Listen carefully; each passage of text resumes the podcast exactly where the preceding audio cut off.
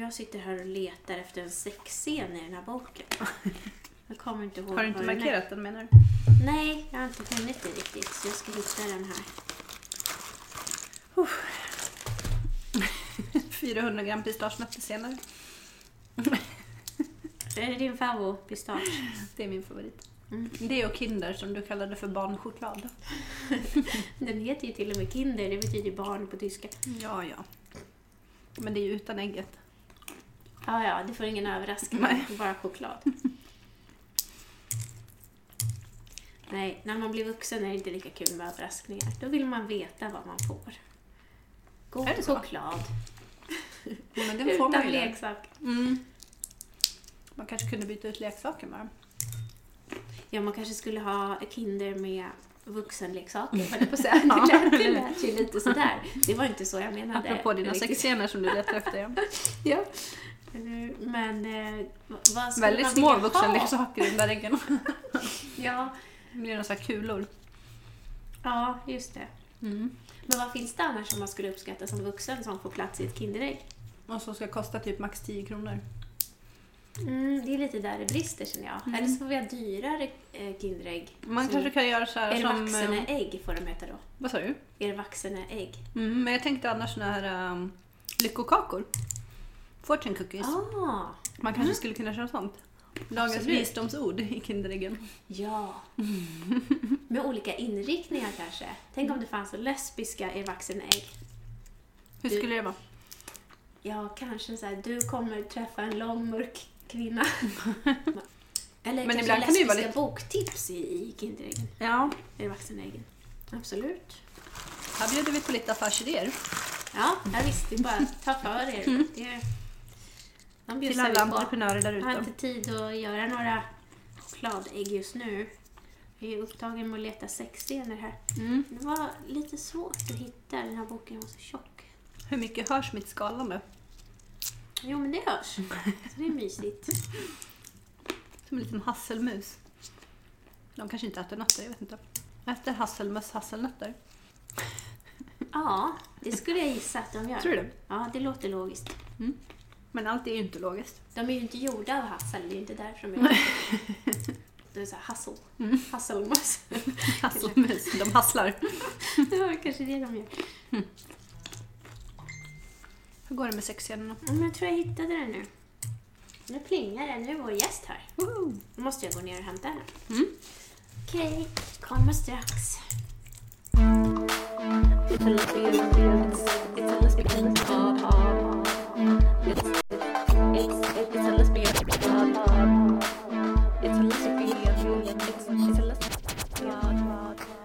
hörni, då är det dags för lesbisk podd igen. Yes, äntligen! Ja, äntligen.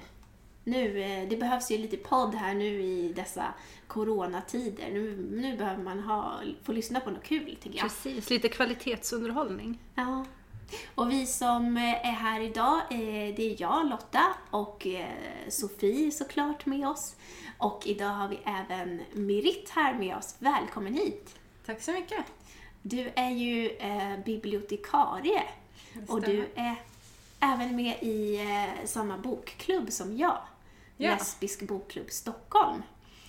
Och det är ju toppen för idag ska vi prata om lesbisk litteratur. Mitt favoritämne. det kommer bli så bra. Ehm, och jag tänkte ju nu ta med er på en tidsresa genom eh, den lesbiska litteraturens historia. Jag har ett förslag också. Mm. Jag har sett många förslag nu apropå corona att man ska ju ställa in år 2020 och bara gå vidare och ta nästa år istället. Mhm. Kanske vi kan göra det nu. Vi börjar i historien och sen kan vi sluta i framtiden. Varför inte? Det låter toppen. Jag är inte helt säker på om jag förstår hur du menar, men det, det visar sig. Det är skönt att ha ett öppet sinne i alla fall. Ja, ja, ja. Jag går, jag går med på allt. Boken som ska skrivas nästa år. Ja men exakt, där har vi det. Ja, ja men då så. Då, då kör vi igång. Jag tänker, ehm, nu, jag, ska, jag ska börja med att avgränsa mig lite. Det ska man väl göra så att eh, folk vet vad de kommer få höra. I den här tidsresan så tänker jag att man skulle ju kunna börja jättelångt tillbaka i tiden, typ med Sappho. Det kommer vi inte göra. Utan vi kör lite modernare. Och eh, jag kommer också eh, koncentrera mig på eh, västvärlden eftersom det är den jag har lite koll på. Eh, så eh, jag låter någon annan ta Afrika, Asien, mer eh, de delarna av världen. Ehm, så jag tänkte att vår tidsresa ska börja 1928. Vet ni vad som händer då? Radcliffe Hall. Ja, Kan det vara? kolla bibliotekarien också. 1-0 bibliotekarien, vi bjuder på den. ja. Nu väcks min tävlingsinstinkt här och jag kommer få Jag har tokspö. ingen så det är lugnt. Ja, men du kommer ju vinna ändå. Så att, ja, ja. Ja, nej men det är så här då att i, i begynnelsen så var det lite oklart ehm, vad skillnaden var mellan sexualitet och eh, identitet. Eh, och i Radcliffe Halls eh, bok Ensamhetens brunn, eh, den, denna kallas lesbiskhetens bibel. Eller den första lesbiska romanen. Eh, Men eh, så här i efterhand så börjar folk diskutera lite om huvudpersonen egentligen är lesbisk. Eller kanske egentligen en transperson. Och ja, det där kan man ju diskutera. Men det man kan säga om den här boken då, att eh, eftersom det inte gick att ge ut en bok om kvinnor som lever eh, lyckligt kära tillsammans, så var Radcliffe Hall tvungen att skriva en olycklig historia. För det var en tillräckligt stor skandal att skriva en sån historia. Och den här boken blev också stoppad i England. Fick inte ges ut. Ehm, men det, det jag tänkte göra nu då är att läsa en sexscen ur den här boken. För jag tänker att sexscener, det måste ju vara det som allra bäst indikerar hur lesbisk en bok är. Liksom, det som gör en bok lesbisk, det måste ju vara att man på något sätt får se kärlek eller sex. Så jag börjar med att läsa den här så får ni säga vad ni tänker. Här kommer sexscenen ur eh, Ensamhetens brunn. Steven böjde sig ner och kysste ödmjukt Marys händer. Ty hon kunde inte finna ord längre. Och den natten var de inte åtskilda. Slut på sexscen. Vad tycker Oj. ni? Det är väldigt kyskt. Det, ja, det är lite kyskt kan man tycka. Men det var inte så utmålande som jag ändå tänkte. Alltså, man kan ju måla med ord utan att vara så explicit ändå. Alltså mera prata om, eh, alltså, vad ska man säga, ömma ord. Det pratar man väl mycket om. Jag tänker eh, Selma Lagerlöf till exempel. Där har man väl analyserat breven mellan henne och hennes väninnor. Och det är lite oklart vad som är liksom kärlek mellan vänner och vad som är kärlek mellan, ja, lesbisk kärlek helt enkelt. Eh, och där är det ju kanske lite mera, lite mer utmålande som sagt. Det här var ju väldigt torftigt. Tänker Ja. jag spontant. Eller är det bara för att Men- du kanske har plockat ut en liten, liten del? Jag Nej. tror... Eller jag har ju läst hela boken och det känns ändå som att det är ju väldigt mycket känslor bakom det här som leder fram till det här tillfället. Så då så blir det ändå ganska laddat tycker jag när det väl kommer det här. Eh, Det här klimaxet. ja. Ja, man förstår, ju, man förstår ju att de hade sex den här natten. Jag tar av mig tröjan nu bara så att ni vet. Ja, Det, börjar redan här. Sofie är redan så varm av den här sexscenen så jag vet inte hur det här kommer att sluta riktigt. Nej, men jag förstår hur du menar, eh, Merit, att eh, i Ensamhetens brunn så förstår man ju ändå, man vet att huvudpersonen älskar kvinnor, är kär i kvinnor och eh, trånar efter olika kvinnor, blir ihop med en. Och så kulminerar det i det här då att den här natten var de inte åtskilda. Och Steven kysste någons hand, var det så? Eh, Steven böjde sig ner och kysste ödmjukt Marys händer. Ödmjukt, det är vackert. Ja. Kysser inte hur som helst. Sen kan eh, hon ha kysst fler delar av Marys kropp, men det får man inte veta här. Nej, Det får man fylla i själv där. Mm. Ja, så kan man se det. Mm. Ja, så det, där börjar vi, Ensamhetens brunn. Eh, och det här var då 1928. Eh, 1932 hände det något spännande. För då eh, ges den första svenska lesbiska romanen ut. Eh, vet ni vad den heter? Ja, vad får jag säga? Säg det, säg det. Kan du viska det så kan jag säga det? Okej, nästa gång. Ja. Eh, den första svenska lesbiska romanen, Charlie, av Margareta Suber, kan man säga är en motvikt lite till, till Ensamhetens brunn. För eh, huvudpersonen får vara sympatisk, men omvärlden förstår henne inte. Eh, Bonnier gav ut den här boken och smög lite med den då när den gavs ut 1932, för det var ett kontroversiellt ämne det här, lesbisk kärlek. Boken handlar om eh, Charlie som är en pojkaktig flicka med en check bask på huvudet. Hon vinner eh, biltävlingar och eh, leker som ett barn med sin hundvalp.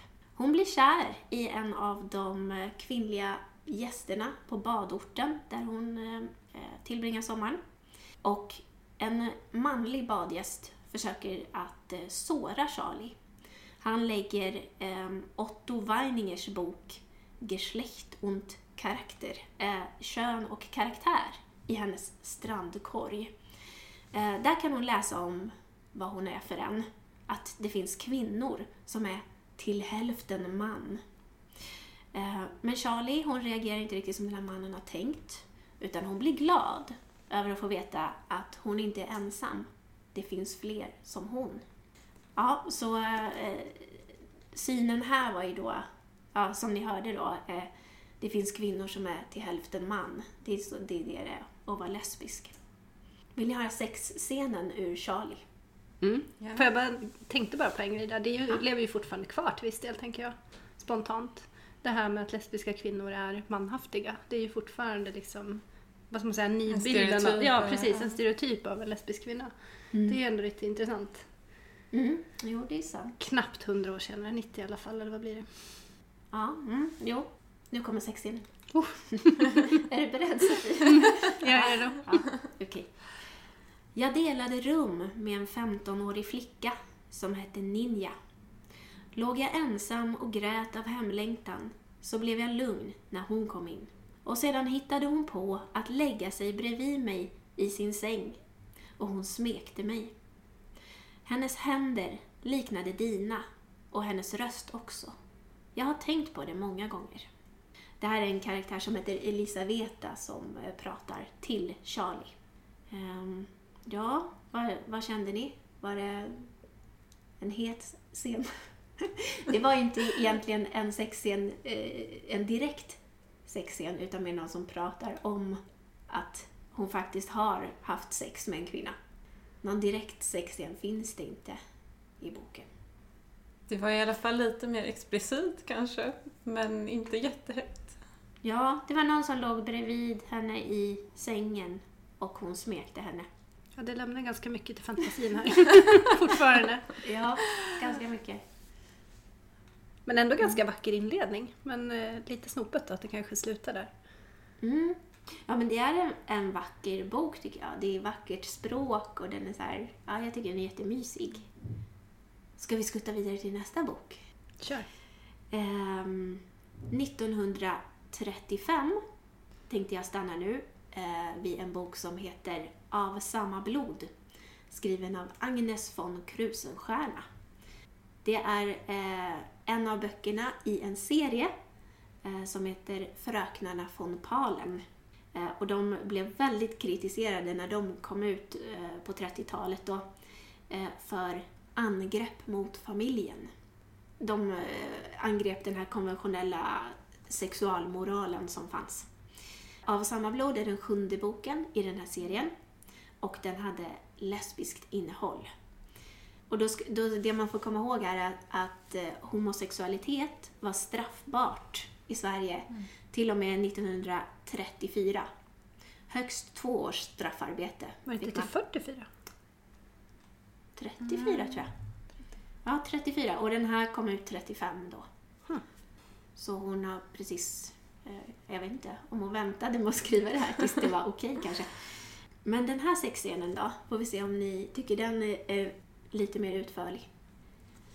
I det ögonblicket kände hon en kärlek som liknade en mans. Hela hennes ömhetsbegär, all hennes längtan, som så länge hållit sig stilla. Denna längtan att få helt fyllas av en mänsklig varelse brast ut som blommor inom henne. Hon böjde sig bryskt ner och tryckte sin mun mot Angelas halvöppna läppar. De slöt sig in till varandra. De darrade lite. En suck steg upp från deras hjärtan. En suck av tillfredsställelse. Och träden ute i parken rörde sig åter oroligt i sömnen. Och en suck steg också upp från dem och fyllde rymden med ett svagt sjungande sus. Mm. Det Tycker där ni? tycker jag var jättevackert. Visst var det? Jag Jättefint. det Och är man fint. känner den här spänningen tycker jag. Och det är fint också hur hon jämför med träden. Och... Ja. ja, den är lite så här magisk och mysig. Alltså även fast det inte... Man får inte veta jättemånga detaljer om vad de egentligen gjorde och så. Men det är ändå så här man bara... Mm, Man kan ändå känna stämningen tycker jag. Ja, lite poetiskt tycker jag nästan det var. Apropå det du sa med att det jämförs liksom naturens beteende nästan. Ja. Men jag tänkte på det som var i början där också, att eh, det var någonting med nästan som en manskropp, eller hur var det Ja. uttryckt?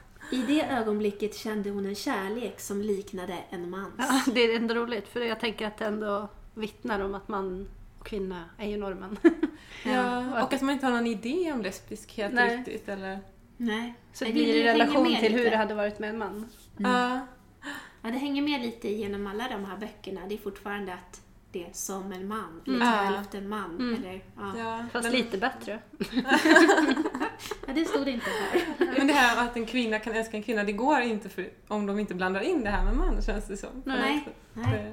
Det- är inte möjligt. I alla fall eh, 1935 då. Vi får Nej. se om det ordnar upp sig när vi eh, går vidare här. Ehm, ja, men jag tänkte bara säga också då att eh, 39 till 45, då kom ju andra världskriget och det stoppar upp lite skrivande och utveckling så det är som ett litet hopp där. Ehm, men 1950 eh, kommer folk igång och skriver igen, kan man säga. Ehm, och då uppkommer ju också en ny sorts kiosklitteratur i Amerika. Pulp fiction.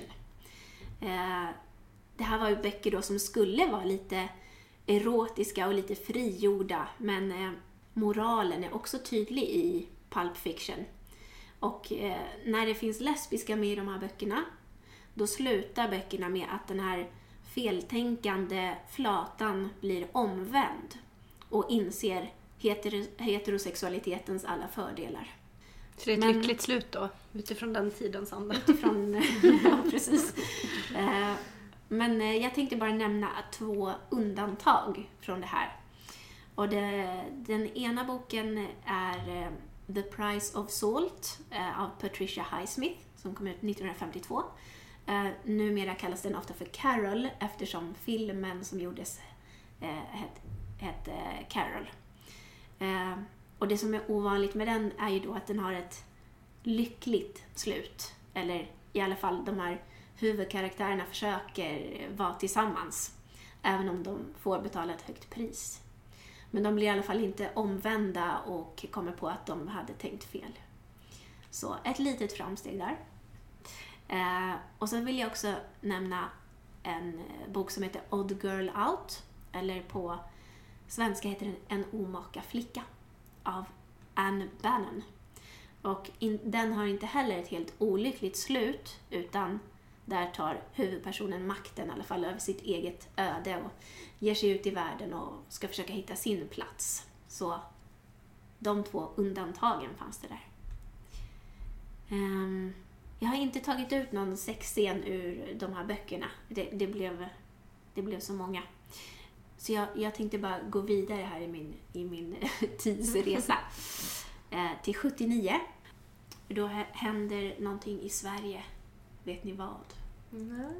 Jag föds... Nej, Ja. eh, nej, det jag tänkte på var att homosexualitet inte längre klassas som Ah. sjukdom i Sverige. Det kan ju vara värt att nämna här i tidsresan. Och eh, på 80-talet händer det också en eh, rolig grej. För då är det en lesbisk roman som får pris. Mhm. Det är coolt. Det vet jag. Vet du vilken det är? Du vet. Ska jag viska? Kör. The Color Purple kanske? Fast det var ju i inte i Sverige. Nej, det var inte i Sverige. Det är, jag som är lite otydlig.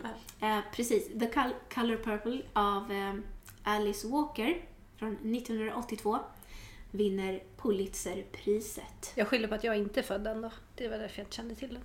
Mm. Nej, men det är klart. Det, det, Det var inte jag heller. där sprack det. Ja, fan. Nej men eh, den här boken då skildrar eh, svarta kvinnors liv i USA på 30-talet. Eh, boken är full av våld och rasism. Men mitt i allt det här hemska så är det två kvinnor som hittar kärleken. Och det är ju coolt också. Det är ju verkligen ett tecken på en förändring tycker jag att en lesbisk bok får pris. Då känner man ju nu är vi på väg någonstans. Vad var det för pris? Eller sa du det? Pulitzerpriset. Jaha, det var Pulitzerpriset. Och den är helt fantastisk boken också. Om man inte har läst den så den är Ja. underbar. väldigt speciell. Det är ju den här personen som berättar använder ju verkligen sitt eget språk, liksom talspråk. Och till en början så är man så här, oj, ska jag orka läsa en hel bok som är skriven så här? Men så efter ett tag så bara, ja, då är man inne i det där och då känns det så rätt att eh, hon har valt att göra så där. Att man får eh, liksom rätt röst som berättar för en, tycker jag. Mm. Så, ja. Så vill vi rekommendera den? Det vill vi väl? Ja, absolut. Ja. Jag rekommenderar allt av Alice Walker. den är, Obs, Den är- inte filmen dock va? Visst är det en film med Oprah Winfrey Ja, där de har tagit bort det. allt det lesbiska? jag vet inte om jag har sett den. Nej, så var det väldigt länge sedan. Men Ja. boken har jag läst och läst om flera gånger. Ja, Den kan ja, jag verkligen hör, rekommendera. den, eh, den ska man alltså läsa. Ehm, men om vi då hoppar till 90-talet. Då är det ju en lesbisk roman som slår igenom i Sverige ganska ordentligt. Vad heter den då Sofie? Stjärnor utan svindel. Ja, Yes. nu är jag född. Sofie är född och eh, Stjärnor utan svindel ges ut 1996. Ehm, Den livelästes häromdagen såg jag dessutom. Jaha. Av Ja, Louise. Boye. Ja. Mm. Parentes, men Ja, lite kul. nej, jag vet inte om det finns kvar, men, eller om det bara var en live och så. men jag undrar om inte hon läser typ ett kapitel om dagen eller någonting sådär är det så kanske? i karantäntider. Så ja, det får man ju spana in. Mm. Om, om man vill efter att ha hört det här. Ska, obs! Sexscen, sexscen, sexscen. ja, nu kommer en sexscen. Nej, men, om det finns någon bok man kan kalla lesbiskhetens bibel i Sverige, då är det väl den här, eller vad säger ni? Mm, ja, det tror jag. De flesta har nog läst den i alla fall. Ja, det känns som det är den boken flest flator har läst. Men jag tänker om unga flator har det. Alltså, säg födda på Nej, 90-talet kanske och senare. Men det finns å andra sidan inte någon annan bok som de alla har läst, eller? Finns det det?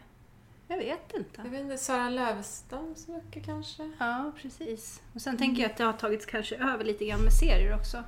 Ja. Som inte fanns riktigt på samma sätt på 90-talet.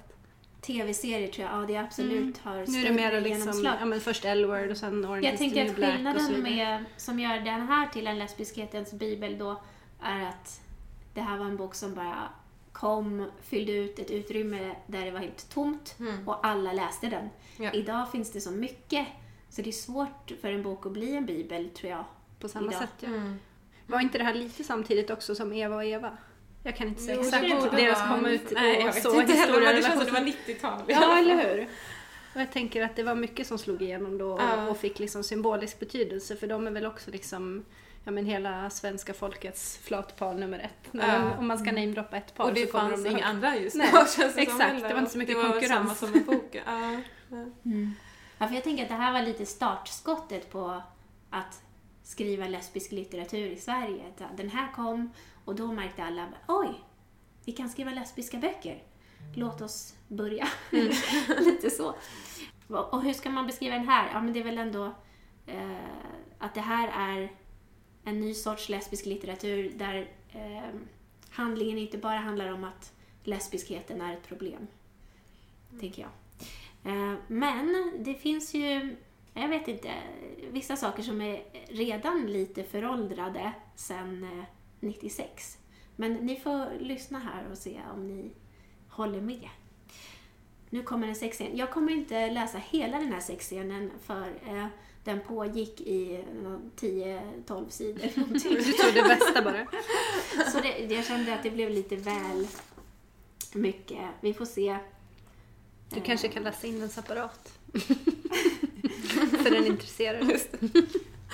Jag, jag överlämnar det till Louise Boye af Jennes. Vi får, får lyssna på hennes version sen. Ja, men då så. Är ni med? Yes. Kajas händer, mjuka och varma, smekte mina axlar, mina bröst, min rygg och min kropp växt, väcktes till liv ur en dvala överallt där hon berörde den. Kaja var mjukhet och styrka förkroppsligad i en fantastisk kombination. Starka fingrar av blod och ben, laddade med känslighet, förståelse och motstånd på en och samma gång. Hon var en magisk blandning, avsedd för just min person, liksom jag var det för hennes. Den personlighet hon ägde spelade på min som på ett instrument. Och för varje tangent hon berörde reagerade jag med inre musik. Sexuell, sensuell, ett med sin kropp med slutna ögon, tunga och händer, rörelse. Och jag svarade på samma sätt, för första gången i mitt liv. I Kaja blommade någon sorts självklarhet som gjorde mig oblyg och hungrig. Men mina tankar gick inte att stänga av. Hur kunde jag bli förälskad i någon av samma kön? Min hjärna letade. En ansats till äckel. En reaktion på att det var en kvinna jag rörde mig i takt med. En annan kvinnas tunga jag hade i min mun. En kvinnas kropp som vred sig under mina händer. Ingen sådan känsla infann sig. Istället en chock och ett igenkännande. Lättheten i att älska med Kaja, ännu lättare nu än första gången.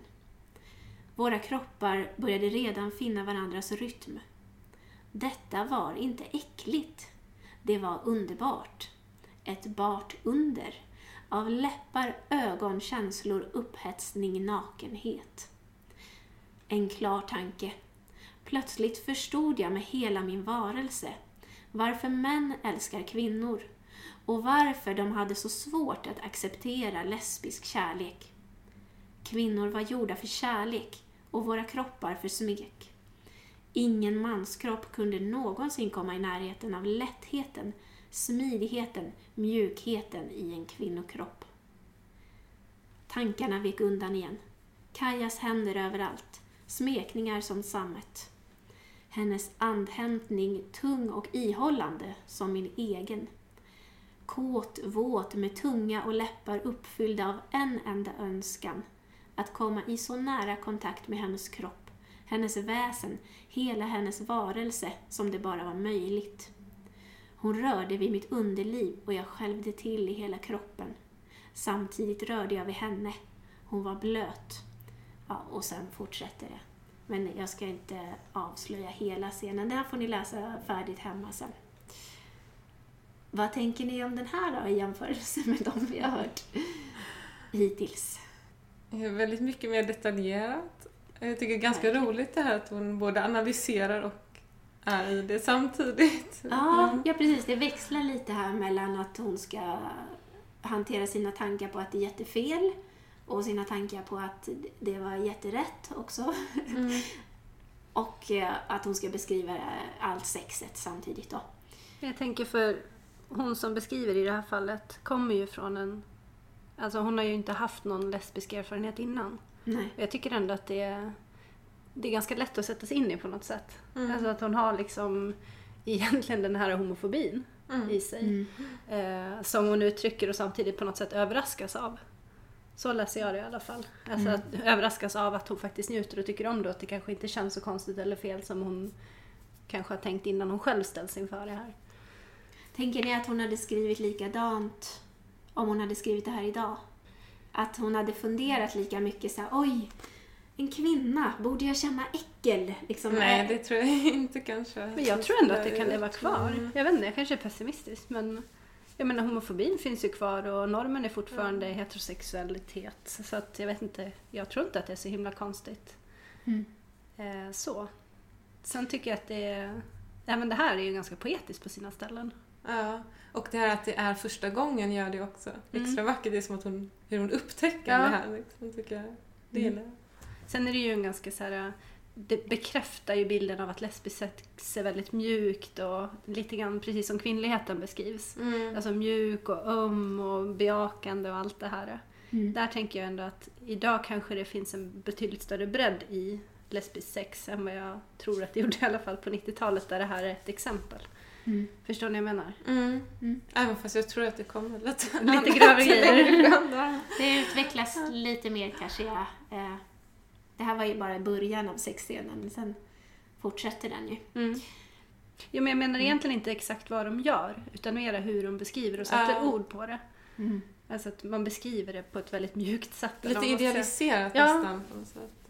Mm. Ja, precis. Här Men vad var det du tänkte på då? För du reagerade ändå på så här, hur det är skrivet.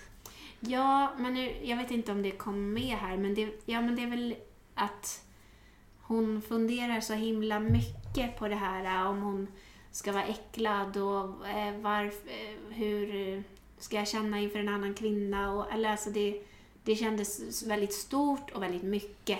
Och det jag funderade på var om man hade känt så idag. Det såklart beror på massa olika saker, vad man har för erfarenheter, vad man, eh, kanske var man bor, vad man har för omgivning, massor av saker liksom. Mm. Så säkert skulle någon känna likadant idag. Jag tror ännu mer också om man generaliserar ganska grovt, så om man tänker internationellt och hur det är i många länder så är det ju fortfarande så skambelagt och normen är fortfarande Mm. så stark kring hur en familj ska se ut. Och, ja, men, det finns ju hur många exempel som helst på att det homosexuella är liksom syndigt och fel på alla sätt och vis och det är det man växer upp med. Mm. Då är det ju inte konstigt att man där i kan känna en skam och... Jag har för mig, ni får rätta mig om jag har fel, men jag har också för mig att i den här boken så eh, är ju huvudpersonen gift med en man och han, när han får veta att hon har ihop det med en annan kvinna så tycker han först att det inte räknas. Mm. Ja, det. Att eh, hade det varit en annan man, ja men då hade det varit en annan sak. Men nu är det ju bara en kvinna, då Men räknas det är väl också inte. synen på att lesbiskt sex är liksom inte riktigt sex, för Mm. riktigt sex inkluderar en man. Men hade det varit så idag? Hos vissa tror jag faktiskt det. Jag tror fortfarande att det lever kvar. Inte, absolut inte lika starkt, men jag tror till Mm. viss del. Alltså jag tror att Ja. skulle man göra någon sån här enkätundersökning så tror jag att fler män skulle svara att det vore okej med otrohet med en annan kvinna Mm. än om man hade varit otrogen med en man. Ja. Konstig frågeställning, men Jag vet inte. Men det känns som mycket saker lever kvar. Alltså, jag, menar, jag kan ju tänka på saker även från ensamhetens brunn. Alltså bara titeln. Alltså, att känna en sån ensamhet, det tror jag att de allra flesta, eller jag vet men jag kan känna igen mig i det. Liksom, att, eh, att det inte är självklart att det kan vara mycket skam eller ensamhet. Så att jag tror att eh, en, en del sånt lever absolut kvar. Mm. Och så kanske om man bor, eller jag vet inte. eh, I, jag tänker på den här... Samborombon, en liten by förutan gata. Där var det inte lätt att växa upp som flata. Jag tänker att det kanske, Precis. eh, det kanske beror lite på. Ja. eh, Som sagt, var man bor, vad man har för omgivning. eh. Mm. jag tänker också, för det nämnde du inte, men det är ju ändå en ganska tydlig så klasstema i den här boken. Alltså de här två kvinnorna Ja. kommer ju från helt olika bakgrunder. Man skulle väl kalla det för klass. Ja. Eh, det tror jag inte heller att man kanske skulle beskriva riktigt på samma sätt idag. Men eh, jag vet inte, jag tror att det också kan spela in i, för att det är ju hon i den övre klassen här som ändå är berättaren, man ska säga.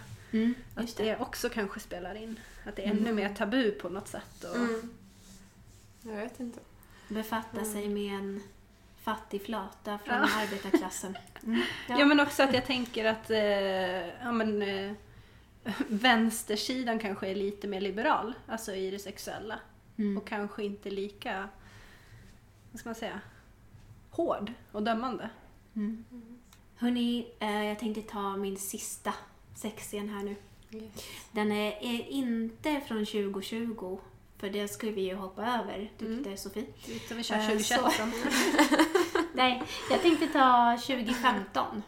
Eh, och en eh, av vår, vår tids stora lesbiska författare, Sarah Waters. Hon skriver ju visserligen historiskt då, men hennes beskrivningar är ju inte eh, från den tiden om man säger så. Ska vi se om jag hittar rätt plats att börja på här nu bara. Jag börjar här tror jag. Får jag göra så här? Hon kände Lilian tveka. Men den tredje knappen var redan uppknäppt nu och hon hade dragit tyget åt sidan och böjt sig ner för att smeka och kyssa. Och efter ytterligare några sekunder sköt Lilian fram kroppen med en suck för att möta beröringen av hennes fingrar och mun. Hennes bröst var varma, fantastiskt tunga, fantastiskt hårda i topparna. Innanför dem fanns dunket, dunket från hennes hjärta. Francis kysste varje slag.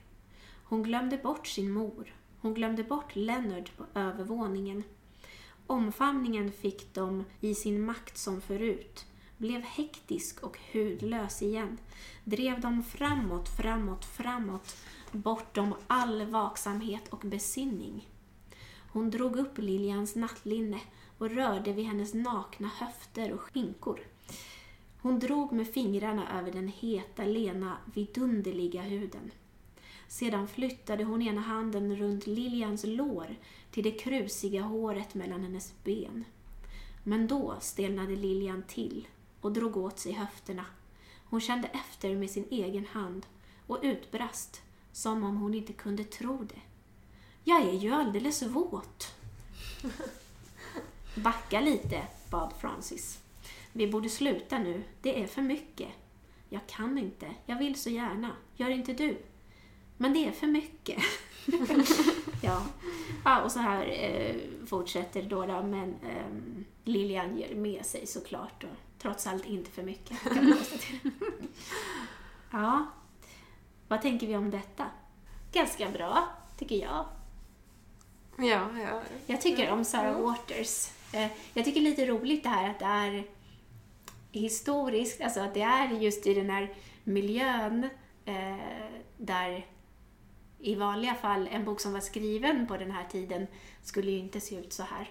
Eh, men nu går hon tillbaka och bara lyfter upp allt det lesbiska och eh, tar med det in till idag.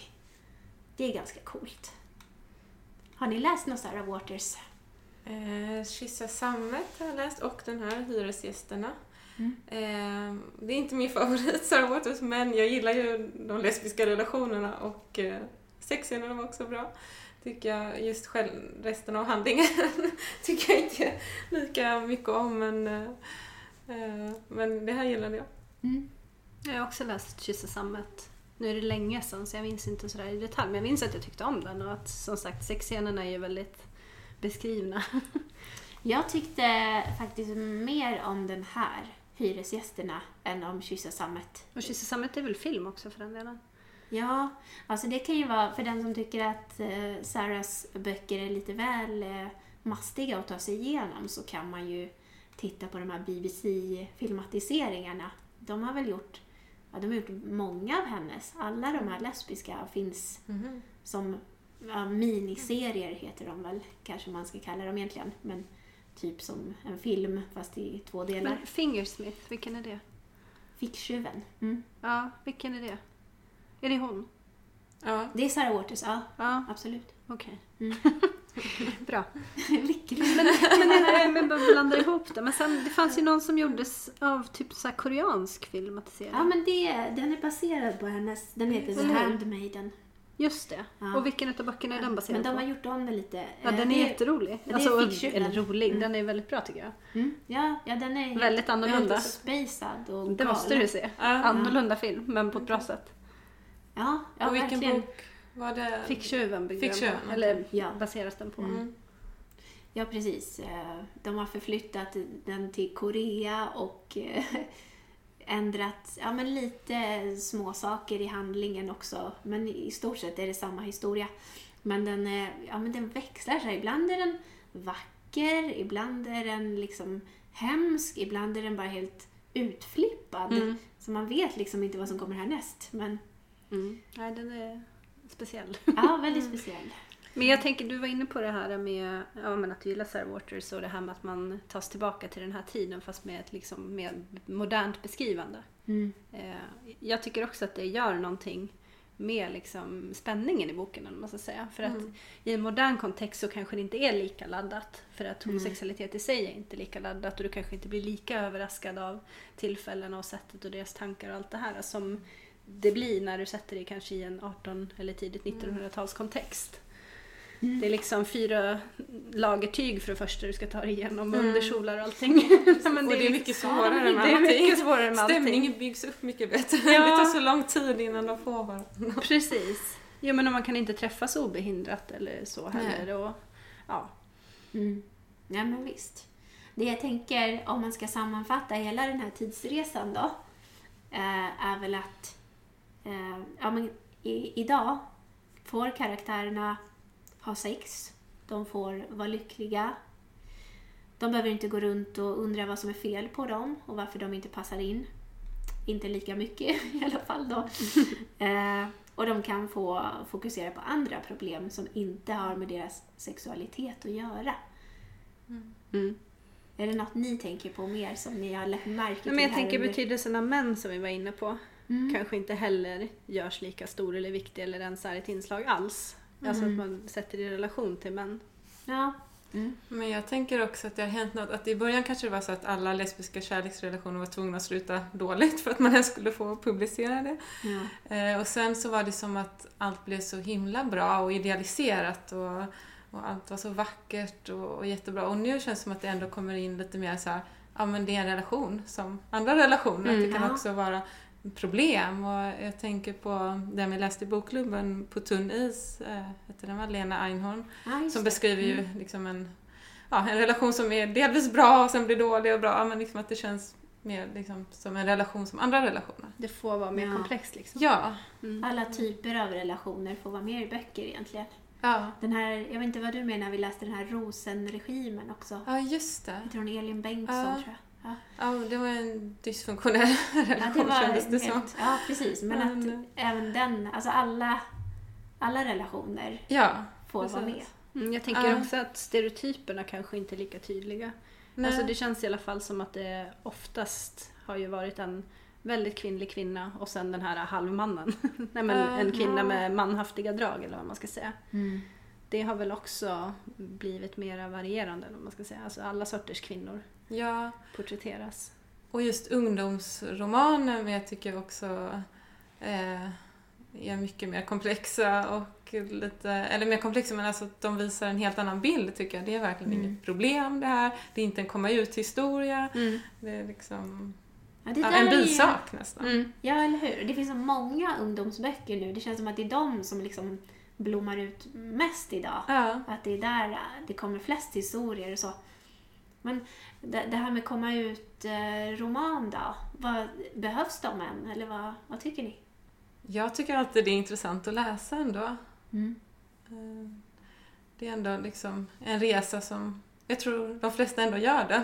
Ja, men jag tänker så länge det fortfarande är norm och så, så finns det ju ett behov av att liksom komma ut. Det är ju så oundvikligen och då tror jag att det finns ett behov av att få läsa om andras historier Mm. och upplevelser utav det. Mm. Sen så är det väl bra om det inte bara är det som blir temat Ja. som du var inne på utan att det kan finnas andra berättelser med andra teman som det här blir mer en bisak som sagt. Mm. Mm. Men jo, jag tror ändå att det är viktigt att beröra det, eller att det finns kvar. Men kanske inte i alla böcker alltid. Nej. Nej. Jag längtar ju fortfarande efter den här eh, riktigt fantastiska, stora svenska kärleksromanen. Eh, för den känner inte jag att den finns fortfarande. Eller tycker ni att den finns? Då tänker jag på när Sara Lövestam eh, Tillbaka till henne. Ja, okej. Tror Du tänker att den skulle kunna vara den? Ja, för jag kommer i alla fall ihåg när jag läste den att jag verkligen jag ville så gärna att Signe heter hon, Signe Ja, och Anna skulle få varandra. Liksom. ja. Eh, Men det, det kändes som en eh, stor kärlekshistoria. Mm. Ja, ja men absolut. Ja, ja men okej. Det kanske finns några eh, stora kärleksromaner då. Jag vill i alla fall ha fler. jo. Det, det är Det mer. kan väl inte bli för många? Sen finns det i och för inte svensk, men Jeanette Wintersson eh, skriver ju väldigt Ja, precis. kärlek. Ja, det kanske du skulle Nej, nej, men, ja, för, nej, men jag funderade också på det, vilka de stora lesbiska bokdrottningarna är idag. Eh, för, för Jeanette Winterson är väl också sån. Nu läste jag ju bara ur Sarah Waters här, men jag vet ju att du är ju ett fan av Jeanette, eller hur? Yes. Jag känner inte till henne så nu får du berätta mer. Ah. Ja, hon är helt fantastisk. Hon skriver underbara böcker om kärlek skulle jag säga, men också om passion och de känns ganska erotiska och laddade många gånger och hennes språk är helt fantastiskt. Och jag är lite svag för metaforer också hon, hon använder det på ett jättefint sätt. Ehm, en roman jag kan rekommendera är Skrivet på kroppen. Och då beskriver hon sin älskade, kan man säga. Och man vet egentligen inte om den som ehm, talar är man eller kvinna. Jag bara antog att det är en kvinna. Det känns som det. Eh, och så beskriver hon henne genom att beskriva, ja, utgå från anatomi. Och det, det blir så himla vackert. jag. Och sen ska vi väl kanske nämna också den här eh, kanske mest kända boken. Det finns Annan frukt än apelsiner. Den Just kanske det. du har hört talas om, eller har du sett filmen Sofie? Nej, jag känner inte igen den alls. Nej. Nej. Den mest kända, jag bara nej, jag har aldrig hört talas om. Tänk vad hon mycket jag skrev har kvar. självbiografi för inte så länge sedan som hette eh, Varför vara lycklig när man kan vara normal, tror jag. Ja. Och den är väl lite lik eh, hennes första roman, tror jag. Det är hennes Ja, uppväxthistoria. jag blandade ihop dem. Jag har läst båda och jag minns inte vilket som står i vilken nu. Så de Nej, nej, det är inte jag är heller. väldigt lika varandra. Ja. Ja. Men jag tänkte också på, vet inte, alltså vi var inne på det här med ungdomsböcker och så. Mm. Nu vet jag inte hur mycket ungdomsböcker det skrevs och hur de såg ut på 30, 40, 50, 60, 70-talet. Men det känns ju verkligen som att det finns betydligt mer idag. ja, det fanns väl inga då? Nej, jag tänkte, jag tänkte gjorde det. Men jag vågar inte säga för mycket. Nej men apropå att du nämnde Sara Lövestam där. Ja, Jag kan nämna dina böcker också för den delen. ja. Ja, de är, gränsar ju till kanske barnbok, men jag tänker det funkar som ungdomsbok också. Ja. Men jag var ju lite så här, jag kände ju, jag ville ha den här eh, lesbiska hjälten. Som Mm. liksom, Mm. det finns, det finns inte, fortfarande inte så många kvinnliga liksom, superhjältar eller, eller såna här riktiga eh, klichéhjältar. så jag kände jag ville ju ha en sån som ska vara lesbisk. Mm. Men det finns ju, jag skrev faktiskt upp några eh, bra nya ungdomsböcker som jag Mm. tänkte vi kunde tipsa om. Yes. Eh, eller nya och nya, men eh, senaste eh, 10-15 åren i alla fall. Då. Här är min eh, lista med favoriter. Det händer nu av Sofia Nordin. Ingen normal står i regnet och sjunger av Sara Olsson. Som eld av Sara Lövstam. Tiger av Mian Lodalen. Jag är ju så jävla easy going av Jenny Jägerfeld. Och Sugar Rush av Julie Burchill. Lottas favoritlista. Är det något ni vill, något ni vill lägga till? Ja, men jag kommer inte ihåg vad den hette. Anna Arlund, kanske? Ja. Mm. Saker kommer- ingen ser. Ja, det kan det ha varit. Mm. Den tyckte jag var bra. Ja. Jag kan inte lägga till dem, men jag tyckte det lät som en bra lista. Jag kände inte igen alla, men jag Absolut. kände igen många. Du får låna dem av mig. Ja, Läsa på. Ja. Nej, ehm, men ni kanske har några andra favoritböcker då i, i eh, vuxenkategorin? Har du några favoriter, Merit? Oj, ja, de har jag nog sagt en del, men allt av Jeanette Winterson Ja, eh, gillar jag ju. Och sen tycker jag ju väldigt mycket om Mrs Dalloway av Virginia Woolf, även om den inte är Just jättemycket lesbisk i Och den. visst har du den med dig till och med? Eh, ja. Ja. Har Har du lust att, att eh, läsa något litet stycke ur Mrs Dalloway för de som inte har läst den? Ja, det kan jag göra. Hon och Sally drog sig lite efter dem. Då kom det underbaraste ögonblicket i hela hennes liv när de passerade en stenurna med blommor i. Sally stannade och plockade en blomma, kysste henne på munnen. Det var som om hela världen vände sig upp och ner. De andra försvann.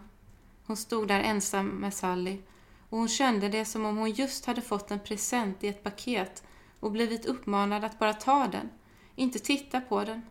En diamant, något oändligt dyrbart, som hon medan de promenerade vidare fram och åter, eh, fram och åter, tog upp ur paketet, eller kanske strålningen genomborrade det, uppenbarelsen, känslan av andakt. Och så fortsätter det. Och det är bara ett litet tillfälle som hon har med den här Sally i ungdomen när hon förstår att det här var en förälskelse. Men det blir aldrig något mer än den här kyssen. Åh, Mm. Då blir man ju så ledsen. Mm. Vad är det du tycker mest om med Mrs Dalloway? Um, alltså jag tycker att hon skriver så himla fint. Mm. Och eh, det finns ett annat stycke precis innan här som handlar om Sally eh, när hon beskriver hur Sally går ut och plockar blommor och arrangerar dem. Och det här skiljer sig så mycket från hennes sätt att göra det. Hon är ganska konservativ, hon brukar gå ut och köpa blommor som är arrangerade. Men Sally hon går liksom ut och plockar vilda blommor, eh, skär av eh, stjälkarna och lägger dem i skålar med vatten. Och jag tycker det, det liksom visar så mycket på hennes person.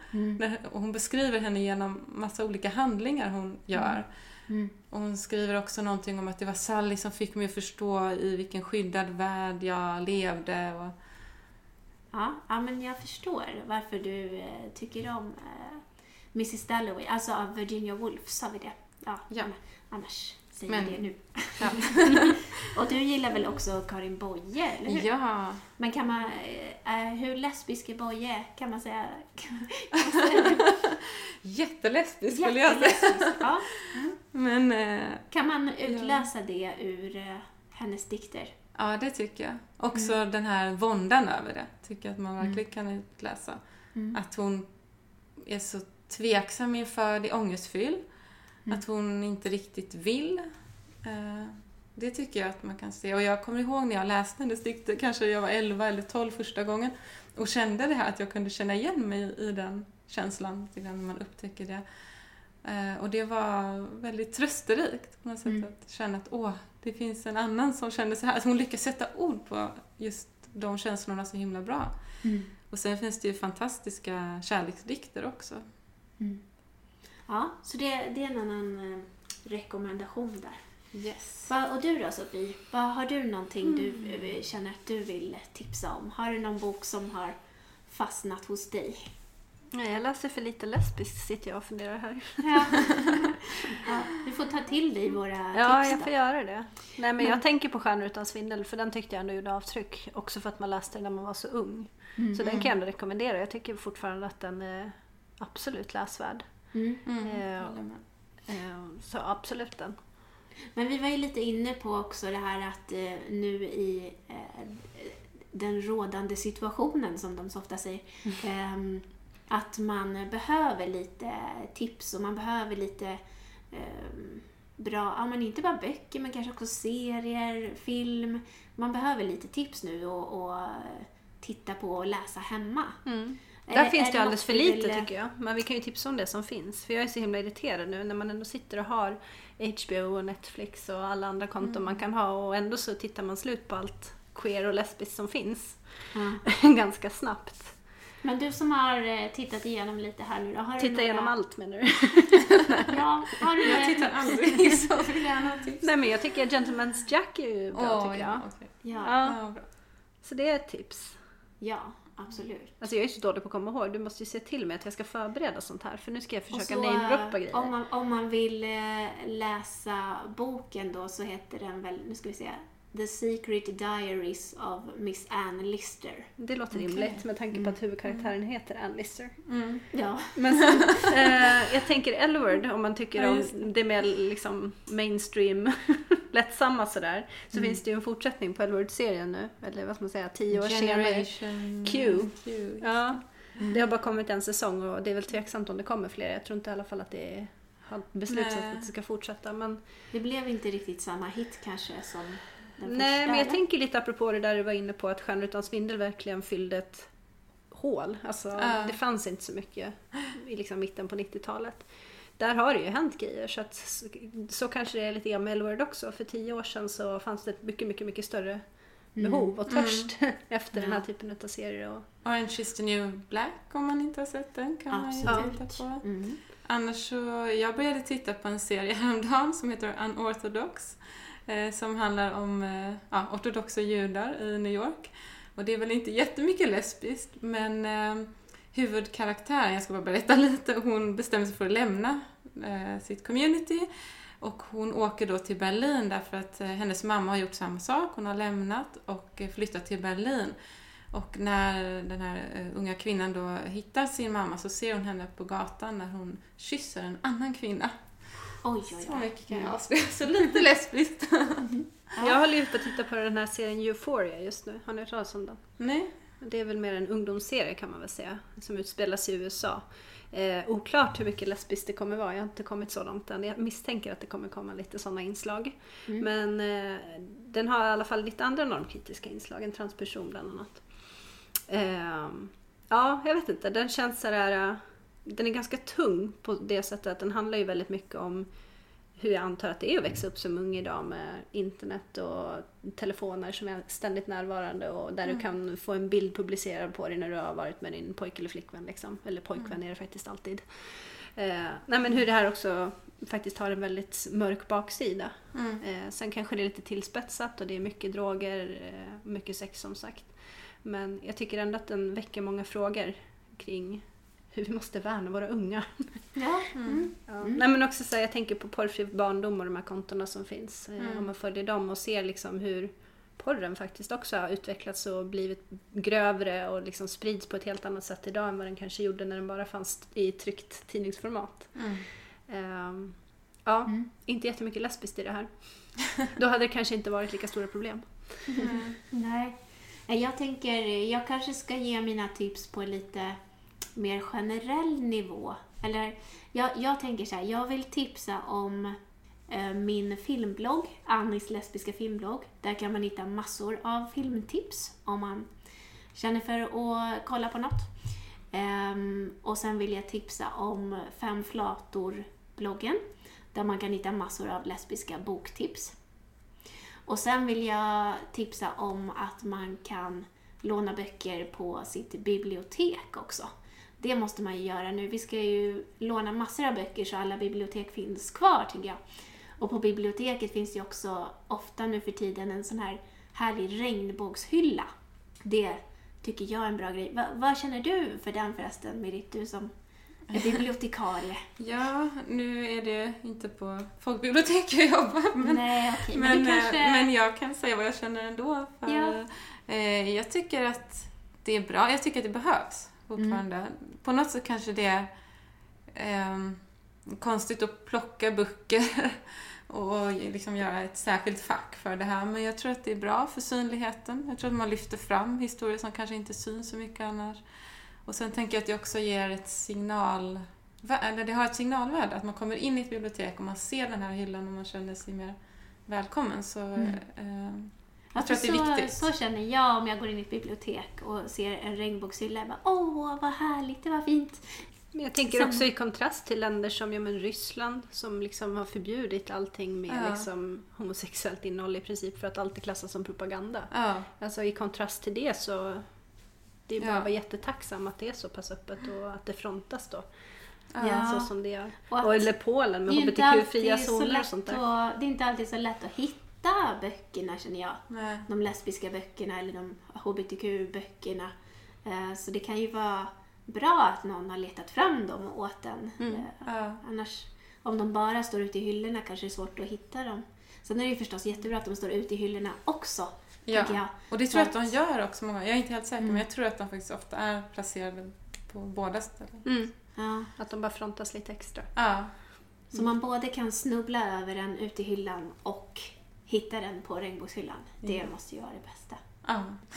Ja, ja men bra. Har vi några fler tips? Eller nu har vi ju gett Ja. massor av bra. Ja. Eh, porträtt av en kvinna i brand, men Ah. den gick ju alldeles nyligen på bio och kanske fortfarande går på bio och det kan man ju inte gå på nu då. Eh, men kanske den kommer på någon strömningstjänst snart. Det är en alldeles fantastiskt vacker, sensuell film. Var det, hade du fler tips? Eh, nej, det var nog mina tips. Ja. Hur var det med dig Sofie? Mm, ja, men jag tror att vi har pratat om det mesta. Tell to the beast kom jag på också. Ja, Den filmen. ja men den är ju lite så här mysig. Ja, Liksom. den tyckte jag ändå var sevärd. Den är lite annorlunda. Men hörni, eh, tack så jättemycket för att ni ville vara här och prata om eh, böcker och eh, ge lite bra tips. Det var jättekul. Tack själv. Tack för tidsresan. Ja, ja varsågod. Välkommen till idag. Nej, vänta nu här. 2021. Framtiden, framtiden. Ja. Vi skulle ju säga något om framtiden. Oj. Tänkte du att vi skulle säga vad vi önskar oss eh, Ja, men du var ju lite inne på det, att du inte tyckte att den här riktiga kärleksromanen hade skrivits än. Den här ja. storslagna. ja, men det önskar jag mig inför framtiden. Den riktigt stora, fantastiska kärleksromanen på svenska. Ja. Mm. Jag önskar mig lite mera serier generellt med lesbiskt innehåll som kanske inte är så, vad ska man säga, glammiga som Elward var och som utspelar sig liksom i den kontexten utan lite mera, jag vet inte, Mm. vanligare relationer. Mm. Eller vanliga sammanhang eller vad ska man säga? Ja, lite som eh, Bonusfamiljen fast lesbisk. Ja, Men Alltså, svensk serie kanske ja varför inte? Ja, men det är en bra önskan. Vad Och önskar... kanske en bra svensk film Ja. med lesbiskt innehåll. Och en bra... Ja, absolut. Det är För det bra. tror jag inte att det finns. Eller jag kan inte komma på någon. Nej, Jag tyvärr. vet inte hur svårt det ska vara men. Ja, svårt. Vi kanske får skriva ihop en själva. Ja. Ja, du får skriva romanen. Jag Detta. tänkte på det, jag såg ju, ja men det kan jag tipsa om också, jag såg på, eh, på TV häromdagen tillsammans med Strömstedts Mm. när de besökte Anja och Filippa. Och det, där kände jag så här, deras liv, där har vi ju filmen. Mm. Alltså vilken härlig handling. hur de eh, träffas och problem uppstår och, men sen blir det lyckligt slut. Liksom. Ja, det kan jag Så det är ett sevärt avsnitt. Ja, det tycker jag. Ja, vad önskar du dig Miriti för framtiden? Oj, jag vet inte riktigt, men eh, fler böcker av Jeanette Wintersson såklart. Ja, jag. riktar sin eh, önskan lite smalare än bara till Jeanette. Men det är väl okej också. Ja. Ja, men bra. Då eh, hoppas jag att våra önskningar eh, slår in. Och till dess får ni ha det så jättebra och börja rota i alla de här tipsen nu då. Mm. Eh, och så hoppas vi att vi släpps ut i det fria snart. Yes. Tack för idag hörni. Tack så mycket. Hej då. This is